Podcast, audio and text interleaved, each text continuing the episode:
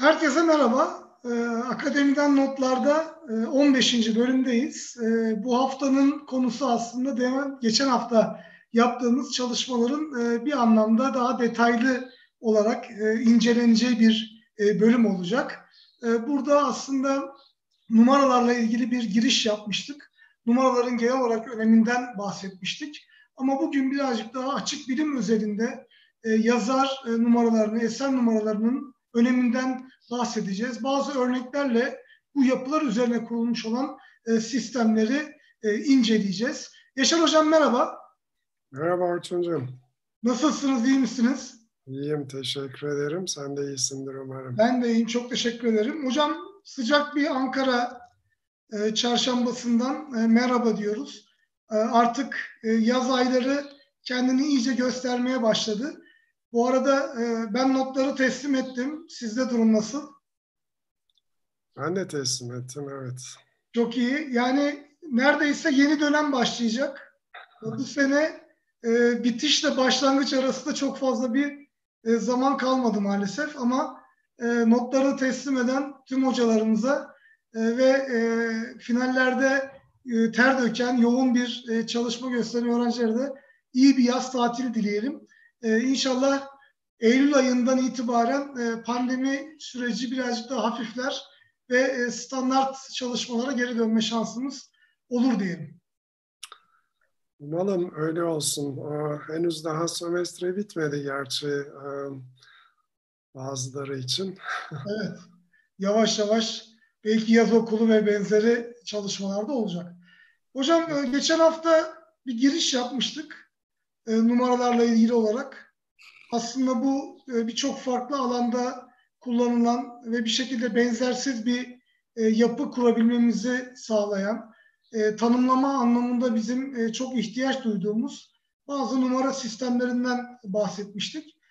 Fakat burada özellikle açık bilim alanında hem eserlerin hem de belki yazarların takip edilebilmesi, Bununla birlikte e, bir takım farklı fon sağlayıcı kurum ve kuruluşlar tarafından e, bu sürecin yönetilebilmesi açısından kullanılmasında e, numara sistemlerinin e, büyük bir önemi olduğuna bugün değineceğiz. Ve bir de aslında belki de öne çıkan numaralama sistemleri üzerine e, bazı e, detaylı incelemelerde bulunacağız. E, siz hocam bir başlangıç yapın. Sonra daha önce konuştuğumuz bir akış vardı. Onun üzerinden devam ederiz. Evet, kısa bir hatırlatmayla başlayabiliriz. Belki geçen haftayı kaçırmış olan izleyiciler açısından. Geçen hafta çok genel olarak aslında bakılırsa yazar ve eser numaralarından söz etmiştik. Ve bu numaraların çeşitli özelliklerine değinmiştik. İşte tekillik gibi, çözünürlük gibi, kalıcılık gibi, yaşatma ile ilgili olarak e, karşılaşılan sorunlar, sorunlar gibi ve değişik e, numaralardan örnekler vermiştik. Bunların kapsamları, çözünürlükleri konusunda e, günümüzde nereye doğru gidiyoruz? Bunlarla ilgili örneğin ISBN, ISSN, DOI e, gibi numaralarla ilgili genel e, konulara değinmiştik. Elbette bu o, süre içerisinde aynı zamanda e, bu numaraların özellikle bir e, araştırma ekosistemi içerisinde e, ne kadar önemli hale geldiklerine de değindik ama senin de biraz önce dediğin gibi çok spesifik olarak e, bu o numaraların e, bilimsel bir altyapıdaki rolüne çok fazla değinmemiştik. Bugün e, belki e, şu iki yönden birazcık daha konuyu e, açabiliriz. Hem de aynı zamanda Türkiye ile ilgili e, bilim altyapısını sadece açık bilim değil belki ama bilimsel altyapıda numaraların önemini de konuşabiliriz. E, daha önceki haftalarda örneğin e, bilimsel kayıtla ilgili olarak şu anda e, gerek üst verilere gerek e, e, kaynak listelerine e, gerekse e, tam metinlerine bu makalelerin ve e, bu makalelerin dayandığı verilere erişim konusundaki bazı sıkıntılardan e, söz etmiştik. belki bu o bilimsel altyapı açısından en azından herkese açık olan üst verilerin dahi böyle bir açık bilim altyapısındaki önemine standart numaralar, yazar ve eser numaraları aracılığıyla bir kez daha dikkat çekmiş oluruz. Bir de daha spesifik olarak da gerek e, iç yönetim gerekse e, diğer sistemlerle birlikte çalışabilirlik açısından bu yazar, eser, nesne, e, enstrüman her neyse numaralarının önümüzdeki e, e, yıllarda nasıl daha da önemli hale geleceği üzerinde konuşabiliriz diye e, e, düşündük sanıyorum. Dolayısıyla da bu çok kısa hatırlatmadan sonra belki de hani hangi numaralardan söz ediyoruz hepsini saymak belki gerekli değil ama herkesin bildiklerinden kolayca söz edebiliriz sanıyorum. Geçen hafta örneğin e, ISBN'den, ISSN'den, DOI'den, e, ISNI'den, e, ORCID'den, Researcher ID'den vesaire bahsetmiştik. Bunlardan uluslararası standart isim numaralandırma diye adlandırılabilecek olan ISNI aslına bakılırsa bir ISO standardı.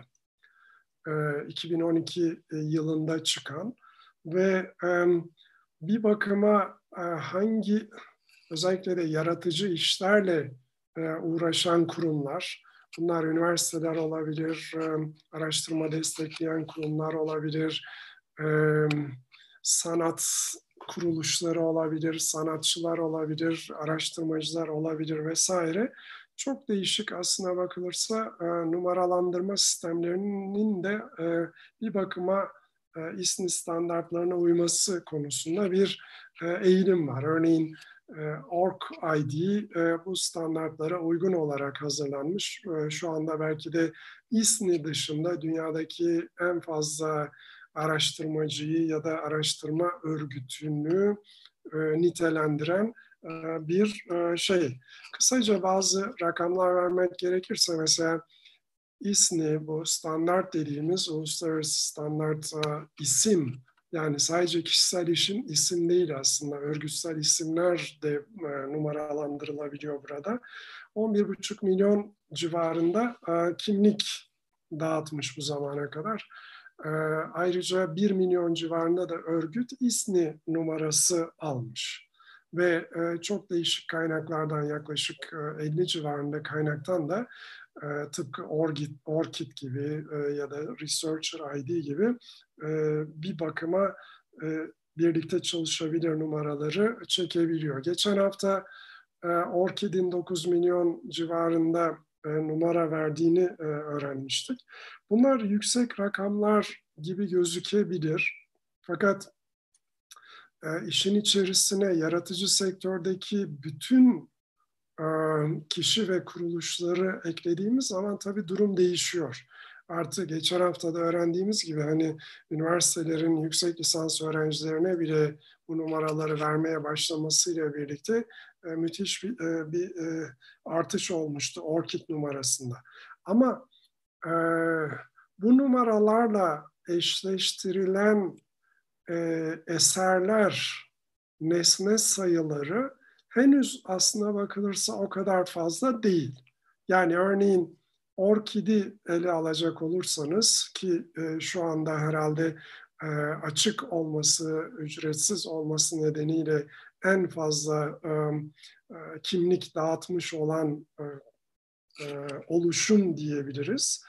E, bu o, Orkid e, kimlik numaralarıyla yaklaşık 20 milyon civarında DOI numarası eşleştirilmiş durumda. Şimdi bunu 20 milyon makale, kitap, e, genellikle makale diye düşünebilirsiniz.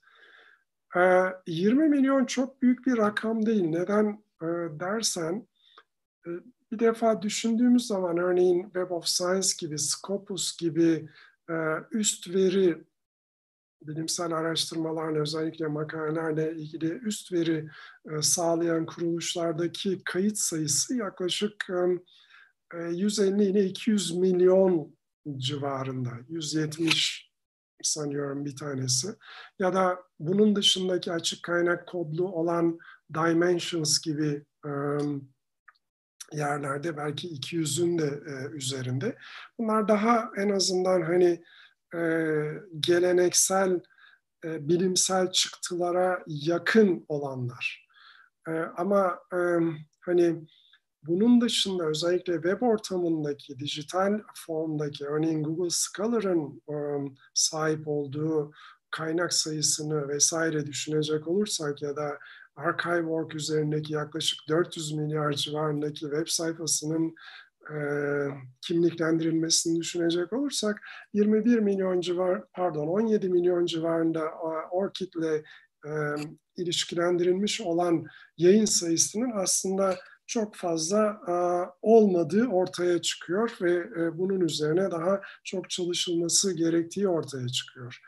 Org e, ID'nin e, önemli e, belki artılarından bir tanesi aslına bakılırsa diğer e, numaralarla birlikte de e, çalışabiliyor. Mesela demin sözünü ettiğimiz e, 9 milyon kimliğe ilaveten aynı zamanda 4 milyon başka sistemler tarafından e, kimliklendirilmiş kişilerin bilgisini de e, içeriyor bu o, o şey.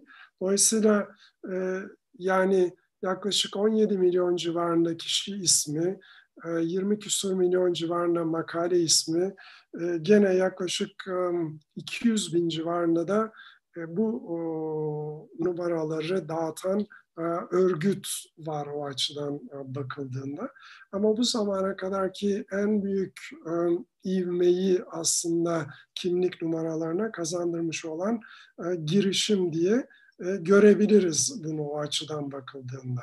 Standartlara uygun olması e, kuşkusuz bu açıdan son derece önemli. Fakat unutmayalım ki e, Orchid sadece oyunculardan biri.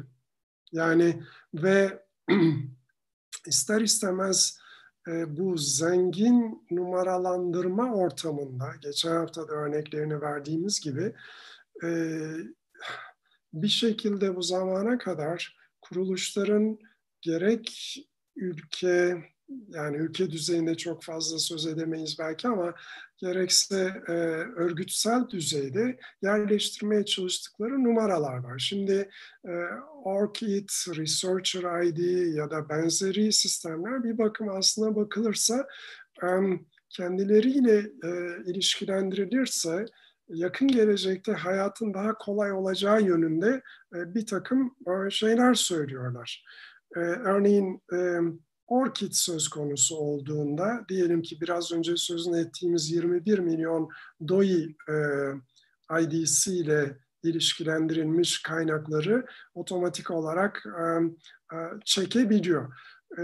Daha da önemlisi eğer siz kurumsal düzeyde org ID'leri kullanma kararı verdiyseniz bir bakım aslına bakılırsa tıpkı nasıl ki şu anda yayıncılardaki e, DOI numaralarıyla yazar numaralarını eşleştirip e, orchid.org sitesinde herkesin kendi profili altında yayınlarını vesaire görmemize imkan sağlıyorsa bu numarayı kullanan kurumlarda sadece yayıncı tarafından Crossref'ten şuradan buradan gelen yayınları eşleştirme değil, aynı zamanda o kurumların kendi e, açık arşivlerinde vesaire yer alan kaynakları da otomatik olarak eşleştirebilecek.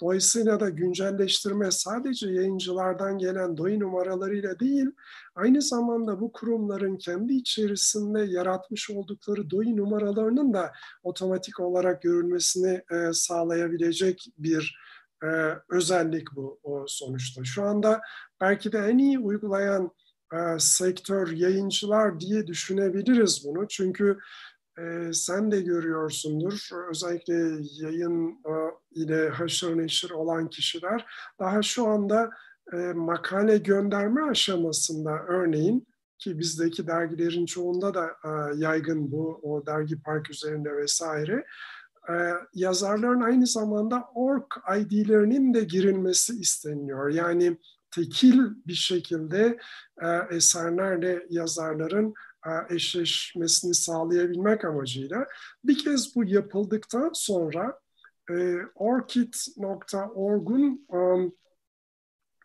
e, örümcekleri bir şekilde eğer o makalenin yayınlanmasına karar verildiyse e, aradaki e, e, birlikte çalışabilirlik olanaklarına dayanarak otomatik olarak o kişinin e, diyelim ki e, ORCID profili altında yeni e, çıkan makalesini listeleyebilecek. Dikkat edilirse bu yani sadece e, yayıncıların işine yarayacak bir şey değil. Bir şekilde tanınan nesne numaraları atayan e, ya da e, bunları atamakla kalmayıp e, isimleri, isim numaralarını vesaire de bunlarla eşleştiren kurumların da aynı zamanda sorgulanarak buralardakilerin de e, ORCID e, profilleri altında yansıtılmasına pekala e, imkan verebilir o açıdan. Dolayısıyla yani e, bir bakıma hani ORCID gibi bir numaralandırma sistemiyle ilişkilendirildiğinde sadece yayınlar değil aynı zamanda ORCID ile ilişkilendirilmiş olan sistemlerdeki açık arşivlerdeki işte um, fon sağlayıcı kurumların diyelim ki e, TÜBİTAK vesaire gibi onların e, eğer e, birlikte çalışabilir bir şekilde hazırlandıysa onların CV listelerindeki, yayın listelerindeki yayınların da güncelleştirilmesinin otomatik olarak yapılabileceği anlamına geliyor. E, hatırlayacaksın geçen hafta bir miktar e, ya da ondan önceki hafta da konuşmuştuk sanıyorum. Crossref e, ve aynı zamanda data site gibi projelere değinmiştik. Artık bu nesne numaralarının e, bunlara da e, verildiğini e, söylemiştik.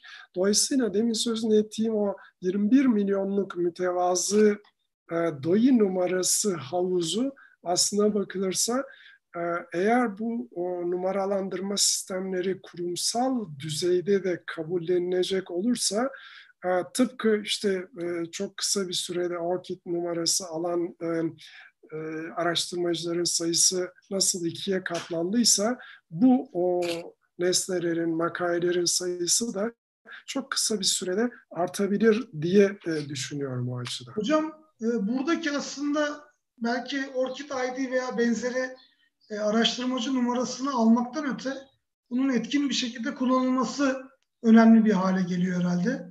Çünkü numarayı almış olmanız sizin yayınlarınızla ilişkilendirileceği anlamına gelmiyor.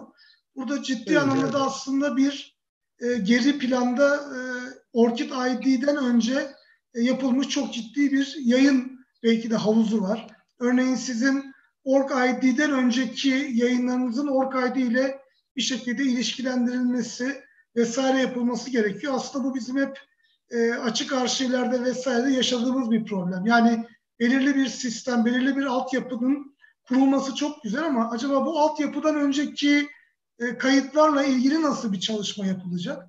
Bir de burada belki kurumlar acaba işte org ID, researcher ID veya daha mesela yerel bir numara üzerinde çalışmakla ilgili nelere dikkat etmeleri lazım? Yani siz bir fon sağlayıcı kurumun başında olsanız e, hangi numara sistemini tercih edersiniz veya geriye dönük olarak bu ilişkilendirme ile ilgili nelere dikkat edilebilir? Çünkü e, hatırlarsınız YÖK bir yazı yollamıştı.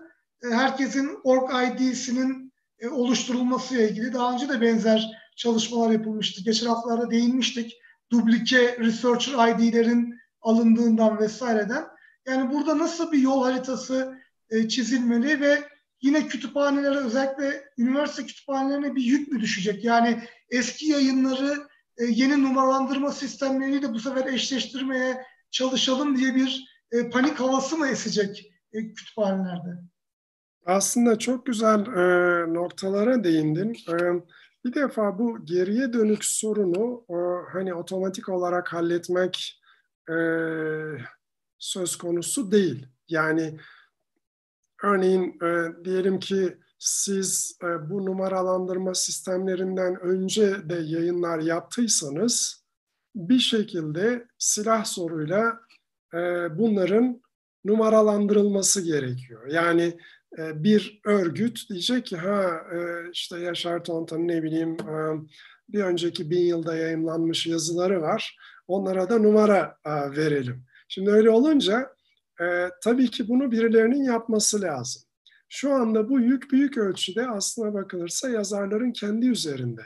Ee, yazarlar eğer hani e, doyi atanmış şeyler varsa bunları belki ilişkilendirebilirler ama o, e, yani kendileri bir doyi ajansı e, ya da temsilcisi gibi davranıp bu o eski yayınlara numara veremezler. Böyle bir sıkıntı var. E, dolayısıyla belki de kurumsal ya da ulusal bazda eğer önemliyse bu, bu sorunun çözülmesi gerekli. E, ileriye baktığınızda tabii bu nispeten daha kolay. Yani biraz önce sözünü ettiğimiz işte daha e, makale gönderme aşamasında sizin e, Orkid e, numaranızı istiyorlar derken hani o makale yayınlanırsa eğer bir şekilde bu otomatik olarak bu ilişki kurulmuş olacak. Sizin bir şey yapmanıza gerek kalmayacak ama e, eskiye dönük olarak bunun kolay bir e, yolu yok. Yani e, belki bugünün konusu değil ama biz şu anda e, yapay zekaya dayalı örneğin e, künye tanıma sistemleri kurmuş olsak yani işte e, yazar adı, e, makale adı, çıktığı dergi adı, sayfa numarası, cilt numarası vesaire falan filan yapılamaz değil, yapılır ama unutmayalım ki şu anda e, bazılarımızın da kullandığı bu referans yönetim sistemi adı verilen sistemlerdeki stil sayısı 5000 civarında.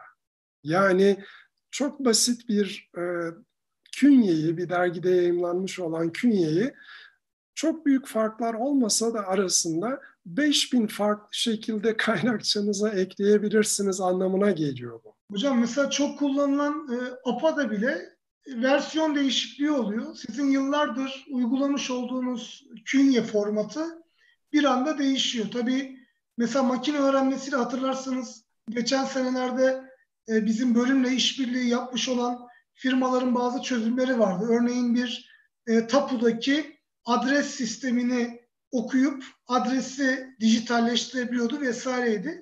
E, biz bizim yayınlar veri tabanı vardı hatırlarsanız bölümde e, yıllar öncesinden beri oluşturulan. O yayınlar veri tabanını ben e, vermiştim ve o yayınlar veri tabanıyla bizim yapılandırılmış olan veri tabanındaki kayıtlardan yola çıkarak acaba makineyi öğretebileceğimiz bir algoritma oluşturabilir miyiz diye üzerinde çalışmıştık ama maalesef sizin de belirttiğiniz gibi o kadar farklı e, biçimlerde bu yapı var ki e, makinenin o algoritmayı oluşturup aslında düzgün bir tanımlama yapabilme süreci e, benzer örneklere göre çok düşük olmuştu başarımı. Yani belki bundan yıllar sonra daha başarılı olabilir ama yine şu anda bir kas gücü ihtiyacı söz konusu oluyor. En azından bu kayıtları doğrulamak veya yanlışlamakla ilgili olarak. Aslında bu e, bizim yayınlar veri tabanı örneğinde daha güç olabilir belki ama bir şekilde o 5000 civarındaki standart e, referans sisteminden birini e, kullandıysa dergiler ya da işte bu kaynaklara sahip olanlar o kadar da zor olmayabilir. Yani burada da daha önceki haftalarda sözünü ettiğimiz kurulu düzen hikayesi var. Yani bu tür arşivler sadece bir kişinin ömrüyle ya da bir çalışanın o kurumda çalışmasıyla sınırlı olmadığı için yani bu tür e, kurallarında şunlarda bunlarda kurallar vesaire değişir ama aynı zamanda kişiler de önemli rol oynuyor. Birinin nokta koyduğu yere siz iki nokta koyarsınız falan filan.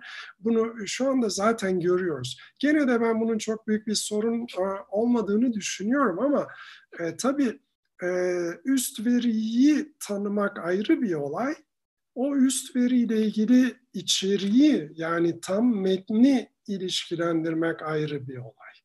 E, kuşkusuz önemli e, çünkü her şeyin tam metni e, açık olmuyor ama o durumda bile üst verinin hiç olmazsa açık olması lazım. Bunda hemen hemen herkes hem fikir paydaşlar açısından bakıldığında bu bile önemli. Şöyle düşünelim yani diyelim ki e, Türkiye açısından bakıldığında Türkiye'nin şu ana kadar Web of Science gibi ortamlarda yayınlanmış 500 binin üzerinde e, kaydı var.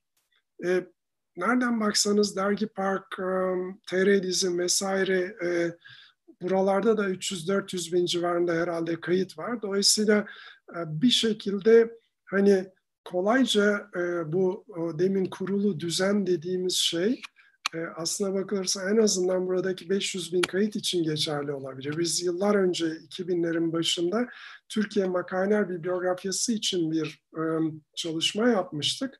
E, Cumhuriyet döneminden 1920'lerin başından 2000'lere kadar yaklaşık 600 bin Türkçe dergilerde yayınlanmış makale vardı. Gördüğünüz gibi yani kar topu gibi aslında bu numaralandırılacak içerik e, sayısı pekala artabiliyor. Ama en azından bundan sonrası için örneğin şu anda dergi park çerçevesinde yapılan e, bu tür standart numaralarla ilişkilendirme e, son derece önemli. Bu kısmı otomatik olarak halledilebilir herhalde. İşin kütüphanelerle ilgili kısmını ben bir slayttan aslında sadece kütüphaneler değil ama e, ekran paylaşımım varsa eğer e, bir PowerPoint göstermeye çalışacağım. Var hocam. Bir sıkıntı olmaması lazım. Bu arada İlkay Holt yapay zekanın da epey manuel doğrulamaya ve insan emeğine olduğu, insan emeğine ihtiyacı olduğunu belirtmiş. Doğru aslında. Yani o sürecin eğitim ve yapılandırma kısmında gerçekten zorlu bir şekilde bir iş gücü de gerekiyor, ihtiyaç duyuluyor. Şimdi e, bu çok kalabalık bir e, slide, farkındayım. E, 6-7 sene önce o siyasi böyle bir e, çalışma yapmıştı. E, önce şu um, bej renkteki numaralandırma sistemlerine dikkat çekmek istiyorum ya da otorite e, kaydı sistemlerine. Burada e, org ID'yi görüyorsunuz. Biraz önce sözünü ettiğimiz ISNI'yi görüyorsunuz. İşte DOI numaralarını atayan e, kurumlardan biri olan Crossref'i görüyorsunuz. Ama bunun ötesinde e, ulusal kimliklendirme sistemleri var. E, Google Scholar gibi, LinkedIn gibi, Pablon gibi yerlerde, gerçi Pablon Researcher ID'yi kullanıyor ama kullanılan daha e, yerel e, numaralandırma sistemleri oluyor. Belki onlar tekillik konusunda biraz daha sıkıntılı çünkü isimlerle ilişkilendiriyor ama şurada en başta da e, bazı izleyicilerin tanıyacağı VIAF, Visual uh, International uh, Authority File ki bu daha çok milli kütüphanelerin uh, isim uh, isimleri standartlaştırma üzerine kullandıkları bir sistem. Geçen hafta örnek vermiştik hatırlarsınız. İşte Orhan Pamuk'la ilgili kayda bir sürü e, yer e, ne bileyim e, erişebiliyorsunuz ama e, Milli Kütüphane buraya kaynak sağlamıyor diye. Şimdi e, kütüphanelerin yaptığı önemli şeylerden bir tanesi biraz önce sözünü ettiğimiz ISNI ile yani 2012'de çıkan standartları da katalog kartlarındaki kimlik bilgilerine yansıtmak biçiminde. Hatta örneğin şu anda WordCat'e ya da Library Congress'e falan bağlandığında, geçen hafta öyle bir örnek vardı ama e, şu anda e, önümde değil. Pekala o kayıtlara yani mark kayıtlarına ISNI numaralarının da eklendiğini görüyorsunuz. Yani tekil bir şekilde bir eserle bir e, yazarı, araştırmacıyı ilişkilendirebilmek için. Geçen hafta değinmiştik bu isimler konusundaki benzerliklere, ikilemelere vesaire. Bu açıdan aslına bakılırsa bu zamana kadar en azından e, otorite kayıtları konusunda şurada listelenen sistemlerden çok daha büyük yatırım yapmış olan milli kütüphanelerin vesaire bu konuyla ilgilenmesi son derece normal. Yani e, VIAF gibi e, e, sistemlerin geçmişi belki çok uzun değil ama en azından ORCID'le vesaire karşılaştırıldığında daha eski, VIAF'tan da eski bizim sistemlerimiz var. O siyasi numaralarımız var, LC numaralarımız var vesaire vesaire. Bunlar genişletilebilir. Dolayısıyla tıpkı standartlar için dendiği gibi yani standartlarla ilgili sorun birden fazla olması burada da kaldı ki burada bütün e, numaralandırma kimlik sistemleri verilmiyor. Bu o çerçevede bakıldığında aslında ekosistemin ne kadar karmaşık olduğunu kolayca görebiliriz. Şimdi bu numaralardan herkes bir şekilde e, yararlanmak istiyor. Kim bu herkes e, dediğimiz zaman örneğin e, kütüphaneler, örneğin yayıncılar, gerek kitap yayıncıları gerek e, makale yayıncıları, araştırma örgütleri çünkü onlar fonluyor sonuçta. E, bireysel araştırmacıların kendileri yani nasıl ki e, yok işte orkid alınacak al diyorsa bir şekilde e, bu o numarayı almak için önümüzdeki e, günlerde, aylarda her neyse herkes bir şekilde e, bu numarayı oluşturacak eğer hen, e, henüz numaraları yoksa. Ama e, bunun ötesinde kuşkusuz bunlar üzerine iş modeli inşa eden e, kütüphaneler nasıl ki kataloglarında ismi numaralarını vesaire veriyorlarsa ve ser numaralarıyla eşleştirmeye çalışıyorlarsa aynı şekilde yayıncılar da bunu yapmaya çalışıyor.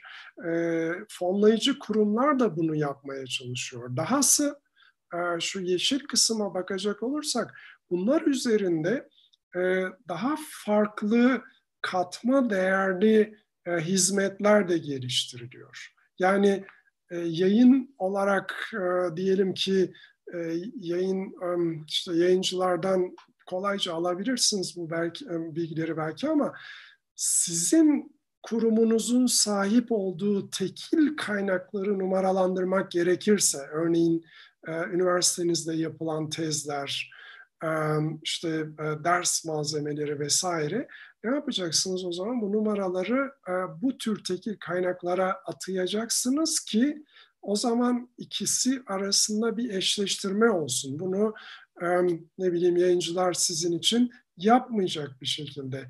Ya da e, örneğin TÜBİTAK söz konusu olduğunda kişilerin özgeçmişleriyle yayın listelerini sürekli güncel tutabilmek amacıyla e, bir şekilde e, bu numaralar aracılığıyla güncelleştirilebilen kaynakları en azından çekeceksiniz ki bunu şu anda e, YÖK Akademik yapıyor, TÜBİTAK yapıyor. Ama dediğim gibi sadece Crossref aracılığıyla vesaire DOI atanmış olanlar için yapabiliyor. Daha az temsil edilen, demin sözünü ettiğimiz geçmişte yayınlanan yayınlar ya da işte tezlerle vesaire ilişkilendirmek gerektiğinde bunların standart numaraları henüz olmadığı için mesela YÖKTEZ merkezi açısından bunu kolayca söyleyebiliriz. Bu ilişkilendirmeyi yapamıyor. Dolayısıyla da siz örneğin TÜBİTAK e, bir proje başvurusu yaptığınızda elle yönettiğiniz tezleri girmeniz gerekiyor örneğin ya da eski yayınlarınızı elle girmeniz gerekiyor.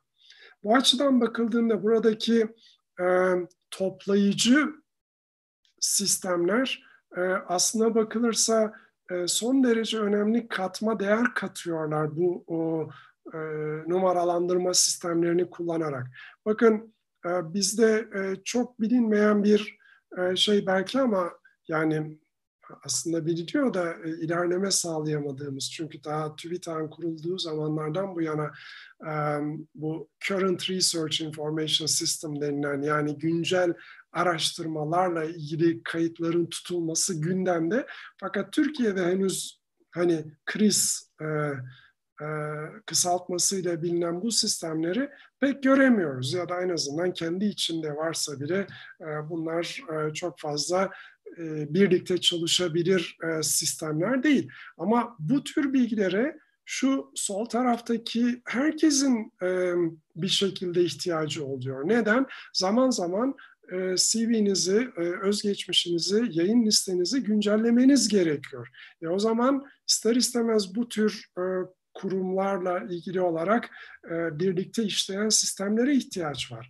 Dahası, dahası e, gerek iç e, işlemler açısından, gerekse dış işlemler açısından giderek bu numaralara e, aslında bağımlı hale geliyoruz. Şöyle düşünün, diyelim ki e, TÜBİTAK olarak bir e, e, araştırmayı fonladınız ve e, gene TÜBİTAK olarak bir e, açık erişim e, şeyiniz var ve bu yayınların açık olmasını istiyorsunuz. E, ama e, yayıncı e, nerede yayınlayacağı konusunda araştırmacılar e, özgür olduğu için pekala bu e, para e, isteyen bir dergide yayınlanabilir. Pardon yanlış söyledim.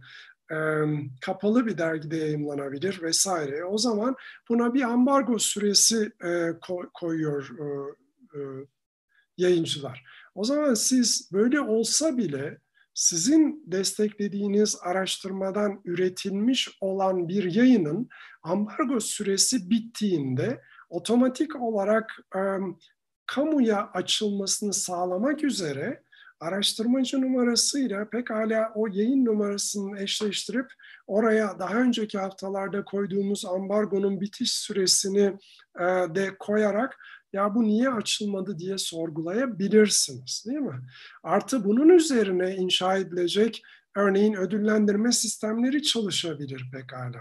Bu, o, bu da nedir? İşte yayın yaptınız diyelim ki işte e, bu o yayının e, doçentlik dosyasında size bir puan getirmesi söz konusu olabilir. Ya da uluslararası bilimsel yayınları teşvik programı çerçevesinde e, size başvurduğunuz takdirde belirli bir getirisi olabilir. Dolayısıyla bu çerçevede bakıldığında gerek kişilerin, araştırmacıların ya da kurumların isimlerinin, numaralarının, gerekse yayınların ve bu yayınlardaki o kişilerin rollerinin, örneğin ortak yazar mı, eğer öyleyse işte e, ödülün kaçta kaçı ona gidecek vesaire e, bunların hesaplanması konusunda e, bir sürü yük biniyor üzerine. Kaldı ki bu sadece aslına bakılırsa bilimsel yayınlar için de söz konusu değil. Aynı şey sanatçılar için de söz konusu. Yani bir film yaptığınızda diyelim ki telif hakları söz konusu olduğunda burada telif hakları tek kişiyle ilgili bir olay değil ki. Yani o, o filmin müziğini yapandan tutun da ışıkçısına şuraya buraya kadar eğer bir getiri söz konusu olursa belirlenen e, koşullar çerçevesinde bu getirinin paylaştırılmasını da halledebilmesi gerekiyor. Dolayısıyla gördüğün gibi aslında çok karmaşık bir e, e, altyapının temel taşları olarak işlev görecek e, numaralar bunlar. Hocam Ama, e, Bilkent'teki e, açı, Bilkent adresli yayınların açık erişimdeki oranlarındaki hızlı artışı da aslında bu takip yapısının iyi işletilmesine bağlayabiliriz öyle değil mi? elbette. elbette. vardı yani yaklaşık yüzde 97 buçuğa e, yakın bir orana erişmişlerdi. E tabi siz kendi yazarınızı, kendi yayınınızı eğer takip edebilirseniz bunların ambargo süresi dolduğu anda e, public hale gelmesini sağlayabilmeniz de daha da kolaylaşacaktır. Aksi takdirde e, bunun arkasını bir şekilde daha sonraki yıllarda toparlamaya çalışmak e, çok da kolay olmayacak. Bir de ben bu sizin e, yansıtınıza baktığım zaman yansıttığınız çalışmaya yani aslında bilgi yönetimi alanında özellikle öğrencilerin, yeni mezunların veya bir takım girişimde bulunacak kişiler için çok büyük ben fırsatlar görüyorum. Yani buradaki yapıları, bu katma değerli hizmetleri oluşturabilecek, bu bağlantıları kurabilecek ve sizin e, aktörler olarak belirttiğiniz e, yansıdaki kurum ve kuruluşlara bu hizmetleri sunabilecek gerçekten e, ekiplere ihtiyacımız var. Ama evet. biz ne kadar buradaki e, her bir aslında düğüm üzerinde çalışıyoruz veya bunları çözüme kavuşturmak için bir takım girişimlerde bulunuyoruz. Yani bizim e, mezunlarımız için e, bir takım iş alanları, e, yeni nesil bir takım hizmetler geliştirilecekse aslında bu konularda bir e, altyapı oluşturmak da çok önemli. Yani birçok kişinin e, geri plandaki bu işleyişi bildiğini veya sistemin bunlar üzerine bir şekilde şaha kalktığını görebilmesi çok kolay değil. Yani yeni bir çalışma yapılmak isteniyorsa belki bu alanlardan bir tanesi üzerinde e, devam edilebilir veya çıkış noktası burası olabilir. Hı hı. Evet, e, birazdan e, neler yapılabilir konusunda en azından başka ülkelerde e, yapılmış ya da bu tür e, hizmetler sunmak üzere geliştirilmiş artifacts gibi e, bir takım slaytlara da zamanımız olursa değineceğim ama şu katma değerli hizmet hikayesine yeniden dönmek istiyorum ben kısa bir örnek vererek.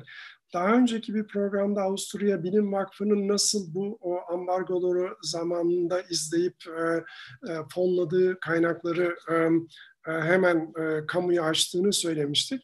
Biraz önce e, verdiğimiz Bilkent Üniversitesi örneği de muhtemelen böyle çalışıyordur. Muhtemelen böyle diyorum çünkü hani DSpace aracılığıyla mı yapılıyor e, nedir bilmiyorum ama mesela e-Journal'da yayınlanmıştı bu o makale yakın zamanda e, ki e-Journal aslına bakılırsa makale işlem ücreti e, alan bir dergi. Dolayısıyla Abdullah Atalar hocamız bu istatistiğe ne kadar itibar eder o açıdan bilemiyorum ama tabii e, son derece önemli. Yüzde 97 buçuk başka e, o makalede hiçbir e, ülkede ya da e, üniversitede karşı, e, karşılaşılmayan bir orandı.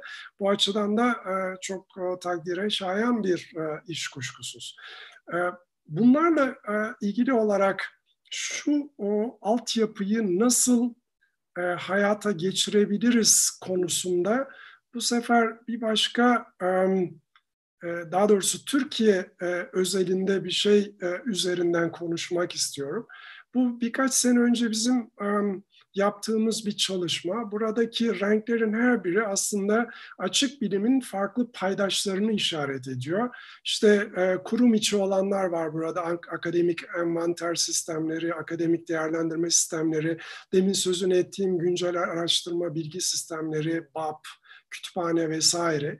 Bunun ötesinde YÖK gibi, e, fonlayıcılar gibi, TÜBİTAK gibi, istatistik kurumu gibi, ANKOS gibi kurumlar var. E, yayıncılar var, e, üst veri e, sağlayıcılar var. Açık olarak erişilen kaynaklar var, Google vesaire var. Numaralandırma sistemleri var. Bu arada şunun, pardon, Neyse, şurada numaralandırma sistemlerini buraya koymuşuz ama benim yapmak istediğim şey şuydu. Aslına bakılırsa açık ya da kapalı bilim şu um, ORCID, DOI vesaire gibi numaraların uh, tam da buraya gelmesini gerektiriyor. Fakat şu noktaya dikkat çekmek istiyorum böyle bir altyapı kurarken. Sonuçta bu tür numaralandırma sistemleri ister ORCID olsun ister başka numaralandırma sistemleri olsun aslında kimlik doğrulama sistemleri değil. Bakın bu çok önemli. Kimlik doğrulama sistemleri değil o açıdan bakıldığında da örneğin sizin ORCID ID'nizin olması e, sizin o kişi olduğunuzu garanti eden bir şey değil. Dolayısıyla ister istemez bu o numaraların gerek özelde gerekse e, birlikte çalışabilirlik açısından ülke düzeyinde belki de ulusal başka numaralandırma sistemleriyle aynı zamanda kimlik e, doğrulamasını da içerecek şekilde yapılması lazım. Öyle ya siz diyelim ki birisi diyor ki ya ben e, DOI numarası şu olan makalenin ortak yazarıyım. Al sana ORCID numaram, e, al sana makalenin DOI numarası. İşte bunun için ben e, para istiyorum ya da akademik yükselme istiyorum ya da her neyse. Bunu tabii ki bu numaralara hasrederek yapabilmek için arka planında güvenli bir altyapının olması lazım. Trusted infrastructure. Bunun olabilmesi de sizin bu tür sistemlere örneğin blok zincir gibi vesaire bir takım şeyleri de kullanarak gerçekten de kişi bilgisiyle yayın bilgisi, eser bilgisi her neyse e, herhangi bir yanlışlığa imkan vermeyecek şekilde eşleştirildi mi e, nin kontrolünü yapmanız lazım. Örneğin geçen hafta benim kendi e, YÖK akademik profilinden verdiğim örneği düşünün. Yani daha önce Mustafa İlhan'la e, ortak yazarlık yapmış olmam burada hangi Mustafa İlhan'ın olduğunu kesin bir şekilde belirlenmesini gerektiriyor rastgele ilk rastladığınız Mustafa İlhan'a Mustafa Necmi İlhan'a böyle bir link yaptığınızda o zaman aslında e, bu güven sarsılmış oluyor bir bakıma. Yani o altyapıyı biz trusted olarak nitelendiremeyiz. Onun için de arka plandaki bu tür e, şeylerle ilgili olarak bizim e, gerçekten de buradaki paydaşların hepsini içine alacak şekilde bir e, makro düzeyde en azından ulusal ölçekte bir yapı üzerinde düşünmemiz lazım. Yani örneğin e, burada paydaşlar olarak diyelim ki araştırmacılar var. E, Türkiye'de yapılmış olan der, e, yayınlar var. Örneğin Dergi Park ya da TR Dizin çerçevesinde. Fonlanan araştırmalar var. Tezler var. Kendi içinizde yarattığınız işte BAP sistemlerinde, akademik envanter sistemlerinde vesaire bir takım bilgiler var. Uluslararası açık bilim bulutunda, Zenoda'da, şurada burada yayınlarınız var. Çünkü onlar zaten e, e, birlikte çalışabilir olarak hazırlandığı için e, burada bulunuyorlar. Dolayısıyla bütün bunları içine alacak, buradaki açık bilim ekosisteminin e, paydaşlarına bir bakıma hem bu uluslararası standartlara göre oluşturulmuş ORKİD vesaire kimlik numaralarını, kurum numaralarını vesaire gömeceksiniz. Ama e, aynı zamanda bunların doğrulamasını da içerecek bir altyapı olması lazım. Bu olmadığı zaman e, kolayca hani başka yollara gidilebilir. Geçen hafta sözünü ettiğimiz gibi hani bir zamanlar e, bir makaleye yayınlanmamış olsa bile DOI numarasının verilmiş olması örneğin akademik yükseltmelerde pekala bunu kullanabilmeyi gerektiriyordu. E, ama e, arkasından dolaşıldığı için sonra bu kuraldan vazgeçildi. Şimdi işin bu yönüyle ilgili olarak üçüncü parti hizmetler geliştirilmeye başlandı. Bunlardan hangisi idi bir bakayım. Bana izin verirseniz bir miktar. Mesela bir tanesi bu. Artifacts. Çok yeni bir um, sistem belki. YouTube üzerinde... Yurt dışındaki benzer e, fonlayıcı kurumlar veya üniversitelerde bir kimlik doğrulaması var mı? Yoksa yurt dışında da e, yeni yeni bu şekildeki çalışmalar oluşturulmaya başlanıyor? Yani Türkiye'de yok ama yurt dışındaki benzer çalışmalarda da mı aynı problem var? E, var, evet. Yani şöyle söyleyeyim, bu zamana kadarki kimlik doğrulama işi daha çok kaynakların kullanımına e, yönelikti. Yani e, ve bireysel bazda değil de topluca bir doğrulamaya yönelikti. Örneğin ben evimden erişiyorum Hacettepe'nin kaynaklarına. Acaba bu kaynaklara erişme hakkım var mı yok mu? E peki bunu nasıl belirliyordu? Bunu ülke düzeyinde çözmüş olan e, kurumlar da var. Ama biz daha çok vekil sistemini falan kullanıyoruz. Dolayısıyla da işte e, bağlandığınız makinenin IP'si Hacettepe sınırları içerisindeyse ya da bir şekilde e, proxy kullanarak bu kaynaklara geldiyseniz ha tamam bu o kaynakları kullanma hakkı var diyor. Bu nispeten daha kolay bir olay. Onun için mesela altyapı bazında e, diyelim ki EduROM'u çok rahatlıkla kullanabiliyoruz. Neden? Burada da gene topluca bir e, isimlendirme söz konusu. Ama e, ne bileyim işte daha böyle e, ne derler e, daha rafine örneğin işte diyelim ki e, ayrıldınız bir süreliğine sonra tekrar geldiniz ama belki de haklarınız devam ediyor Hacettepe kaynaklarına ulaşma. Anında bireysel bazda sizin kaynakları kullanımınızı bloke etme işi daha rafine e, bir takım doğrulama sistemlerine ihtiyaç duyuluyor. Yapılamaz mı? Yapılabilir kuşkusuz ama bunun yapılabilmesi için biraz önceki e, örneğin EDROM çerçevesinde IP numaraları bazında en azından birden fazla makina ya da bir e, e, mekanla ilişkilendirilerek kurulan ilişkinin tek tek bireyler bazında eserler bazında da doğrulanabilmesinin gerekli ol, e, olduğunu görüyoruz. Onun için biraz önce bunlar kimlik doğrulama sistemi değil dedim. Onun için biraz önce bu numaralarla birlikte aynı zamanda e, ulusal numaralandırma sistemlerinin de hem makro düzeyde hem e, orta ya da mikro düzeyde düşünülmesi gerekir dedim. Niye bunu söylüyorum? Çünkü bunu yapmadığınız takdirde e, hep üzerinde durduğumuz birlikte çalışabilirlik olayını yapamazsınız. Yani örneğin YÖK'te oturarak ya acaba bu vatandaşın dosyası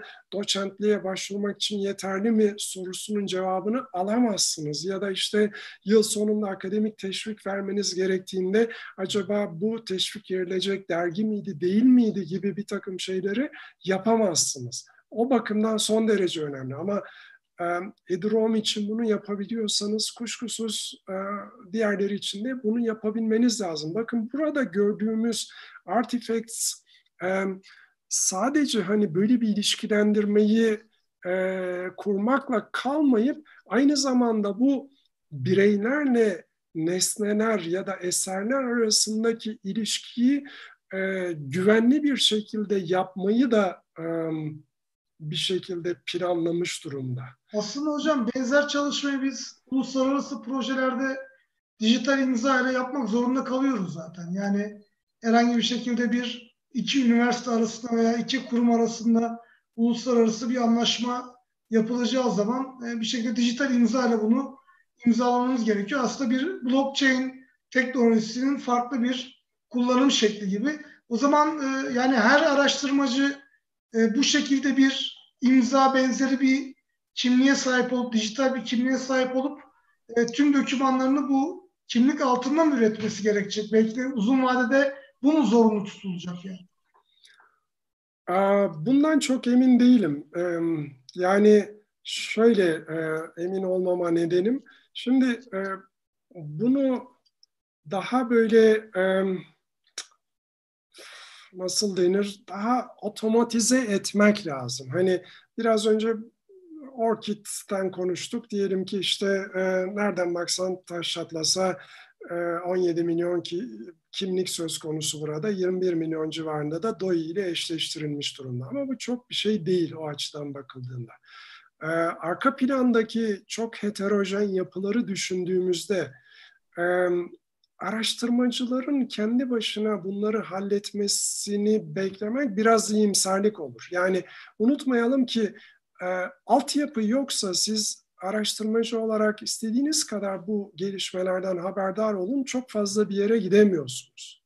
Onun için zaten e, bir bilim altyapısının bir parçası olarak bunun düşünülmesi lazım. E, bunun içerisinde biraz önce sözünü ettiğin elektronik imza da gerekirse e, kuşkusuz girecektir ama bir şekilde nasıl şu anda bireysel bazda bankalara kendinizi e, tanıtmak zorundaysanız bu hizmetlerle ilgili olarak da sizin siz olduğunuzu ispatlayabilmeniz gerekiyor. Bunu yapabilmek için ille de mutfaktaki bütün işleri şu anda Orkid'in çoğu için geçerli bu. E, sizin yapmanızı e, şart koşarsa YÖK ya da başka bir kuruluş bunun süresi çok daha uzar. Yani şöyle düşünelim, bu zamana kadar birçok üniversite bir şekilde bu numara sistemleriyle deneyler yaptı. En azından bizim üniversitemizde Researcher ID belki 10 yıl önce vesaire denendi. Ama ne koyduk onun üzerine? Peki ne koyabilirdik? Belki bireysel bazda koymakla yetinebilirdiniz fakat yeterli değil. Bakın Artifacts benzeri e, kuruluşlar söz konusu olduğunda burada işin içerisinde sadece sizin siz olduğunuzu ispatlamak değil, aynı zamanda belirli bir eserin yazarının kim olduğunun da e, hani e, bir şekilde e, güvenli bir şekilde tanımlanmasını da vaat eden bir sistemden söz ediyoruz. Yani böyle bir ilişkilendirme söz konusu olduğu zaman kalkıp da birisi örneğin sizin e, makalenizi sadece e, yazarının adını değiştirerek bir başka dergide yayınlamaya kalktığında blockchain e, benzeri bu tür sistemleri kullanan yerler hop diyecekler. Tıpkı şu anda örneğin e, daha önce yayınlanmış olan bir makalenin diyelim ki intihal aracılığıyla henüz daha hakem, hakemlere gönderilmeden siz dergiye e, sunar sunmaz Crossref çerçevesindeki veri tabanında sorgulanıp e, boşuna yatırım yapmadan önce bunların yakalanmasına benziyor aslında bakılırsa. Orada belki siz e, boşuna emek sarf etmemiş oluyorsunuz ama durum daha da ciddi olup ya bu ille de benim diyen bir kişi ile karşılaştığınızda bir dakika bu ilişki geçmişte şu kişiyle şu kişi arasında kurulmuş diyebilecek ve bunu güvenli bir şekilde yapabilecek trusted third parties dediğimiz e, gruplara e, ihtiyaç var o açıdan bakıldığında. Yani çok oyunculu bir e, sistemden ya da altyapıdan söz ediyoruz burada. Kolay değil o kadar. Hocam ilerideki süreçte benim biraz aklıma daha böyle ütopik durumlar da gelebiliyor. Belki kalburüstü yayınların olduğu Orchid ID'lerin satışa çıktığı durumlarda olabilir. Hani bir şekilde kendi içerisinde belli bir yayın rakamına ulaşmış. Eğer bu isimler, yazar isimleri vesaire çok da önemli hale gelmez. Her şey bu numaralar üzerinden takip edilirse aslında bambaşka bir e, durumda ortaya çıkabilir. Bunu farklı alanlarda görüyoruz aslında. Yani bir basit kimlik değişikliğiyle bir anda CV'nizin altında çok farklı e, yetenekler, araçlar toplamış hale gelebiliyorsunuz. Mesela benim aklıma şey de geliyor. Bu oyunlarda belli bir seviyeye yükseltip e, karakteri daha sonra o karakteri satmak. E, akademisyenler de e, Orchid ID'yi belli bir seviyeye getirip sonra onu başka birine devretmedi gibi bir durumda olabilir belki. Tabii bunlar espriyle karışık biraz bilim kurgu e, yapıları ama e, karşılaştırılabilir. Bir şekilde bu e, kimlik hırsızlığına benzer bir şeyle belki hayata geçirilebilir. Onun için blockchain teknolojileri bence bu yapının e, altındaki o sizin söylediğiniz güvenilir olması açısından da önemli ve kıymetli. Olayın boyutuyla ilgili çok küçük bir örnek vereyim. Yani en azından bunun üzerine e, hizmet inşa edildiği ya da ödül inşa edildiği için söylüyorum. Biraz önce e, dedik ya hani e, Web of Science'da 170 milyon civarında e, kaynak var vesaire. Ama bakın akademik teşvik yönetmeliğine göre siz o, o son yıl içerisinde yayınlanan kaynakların, pardon sadece son yıl da değil aslında geriye dönük olarak kaç tane atıf aldığını sayıyorsunuz. O 170 milyonun milyon kaynağın kaynakçalarında 4 milyardan fazla referans var. Düşünebiliyor musunuz olayın boyutunu? Yani Türkiye'de diyelim ki belirli bir yıl içerisinde atıyorum kafadan 15-20 bin kişi akademik teşvik yönetmeliğine başvuruyorsa sizin oradaki kaynakların atıf alıp almadığını bu tür 4 milyarlık bir ağdan sorgulamanız gerekiyor. Yani e, referanslardan oluşan 4 milyarlık bir ağda acaba gerçekten bu vatandaşın e, yayınına atıf yapılmış mı hikayesi? Onun için diyorum e, çok aslında karmaşık bir yapıdan söz ediyoruz. Ama bu yönde e, hareket eden ülkeler yok mu? Var. Mesela ben tek bir örnek vereyim. Zamanımız da bitiyor. Research aslında geçmemiz de gerekmiyor ama research.fi Finlandiya'nın ben ekran paylaşımını kapattım hocam. Az zamanımız kaldı diye belki tamam. kapatırız diye. Sadece adı, adını anmış olalım. Research.fi üzerinde bütün bu konuştuklarımızı yapma yönünde bir çalışması var Finlandiya'nın. Dolayısıyla geçen haftalarda konuştuğumuz one stop shopping olayı yani burada hem kişilerle ilgili e, numaralar hem e, hangi e, destekleri almışlar, hangi yayınlar vesaire gibi birçok şey işin içerisine girecek ve sadece bu tek noktadan Finlandiya'nın bilimsel altyapısıyla vesaire ilgili sorgulamaları yapabileceksiniz deniliyor. ORCID de bunun içerisinde önemli bir rol oynuyor kuşkusuz böyle bir numaralandırma sisteminin. Dolayısıyla e, dinleyiciler belki research.fi adresine şöyle bir bakmak isteyebilirler. E, tabii başlangıç aşamasında olduğunu da unutmamak lazım birçok projenin. Biraz önceki Artifacts projesi de öyle. Ee, bunların otomatik harmanlamayı güvenilir bir şekilde yapması lazım öncelikle. Ee, biraz önceki sözünü ettiğim o kurulu düzen sorunlarını vesaire şudur budur çözebilmek de bunların içerisinde. Ondan sonra da güvenli bir şekilde e, kişilerle, kurumlarla yayınları vesaire eşleştirmesi gerekiyor. Ancak böyle bir ortamda bunu yapabiliriz. İlgili adresi ben paylaştım. Notlar bölümüne de bunu ekleriz. benim aklım hep şeye gidiyor hocam. Yani bu e, birkaç haftadır bahsettiğimiz konuları aslında bizim mutlaka yani belki de yüksek lisans seviyesinde bir programın e, içinde yer verip farklı alanlardaki yetişmiş insanları bu konularda çalışmaya da aslında teşvik etmemiz gerek diye düşünüyorum. Yani birçok e, bilgi bilimi haricindeki alanda işte fizikçiler, e, matematikçiler, işte sosyal bilimcilerin aslında bu alanlarda belki de çalışıp kendi alanları, kendi uzmanlık alanları üzerinde açık bilimin de gelişebilmesi için bu tür çalışmalar yapması gerekiyor. Yani bir kurumdaki 10-15 tane uzman kütüphanecinin veya bir ülkedeki 2-3 tane fon sağlayıcıdaki 3-5 tane uzmanın bu iş yükünün altından bu e, sistemin kurulabilmesi için gerekli olan e, çabayı gösterebilmesi ve başarılı olabilmesi çok mümkün değil. Yani bence biz de bu alanda çalışan, bu konularla ilgili belli bir farkındalığa sahip olan kişi sayısı da maalesef çok az.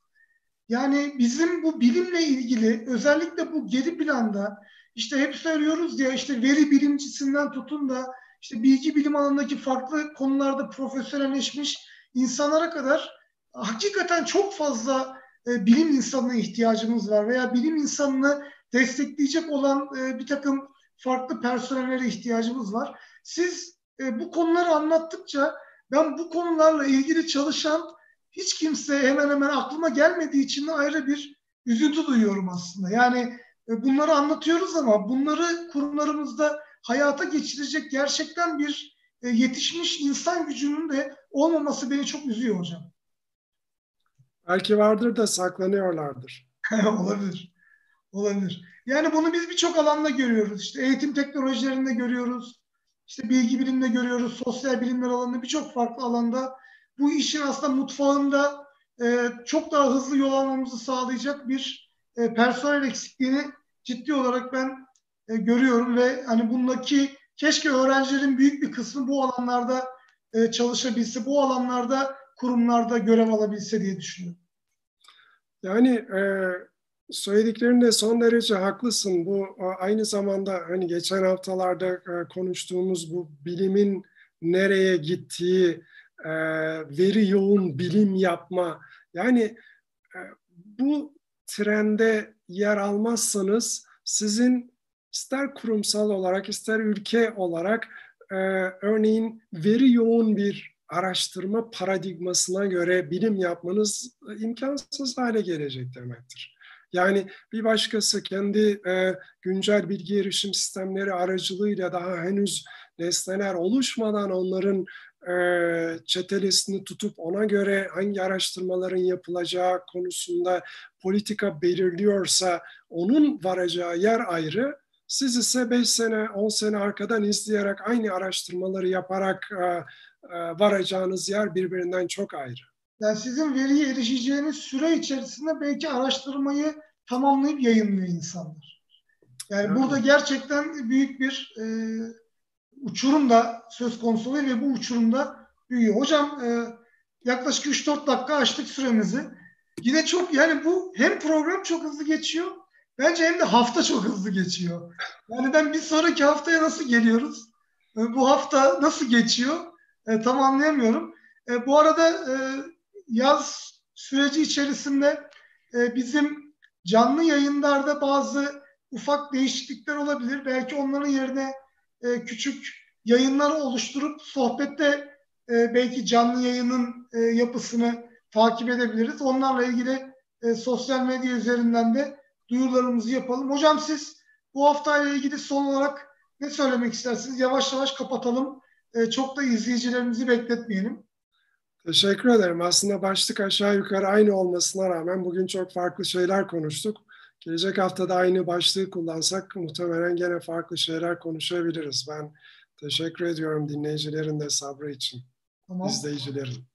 O zaman e, yine önümüzdeki hafta e, belki aynı saat ve e, gün yapısında bir belki banttan yayın yapabiliriz. Onları önümüzdeki günlerde bir hocam kararlaştıralım.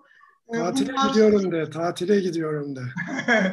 ya, hocam gideceğim de şey olmasını istemiyorum. Yani şimdi son anda bir şey çıkar.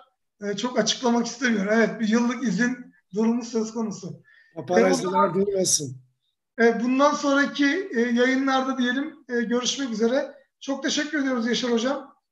Ben teşekkür ederim. İyi akşamlar. Hoşçakalın. Herkese teşekkürler. İyi akşamlar.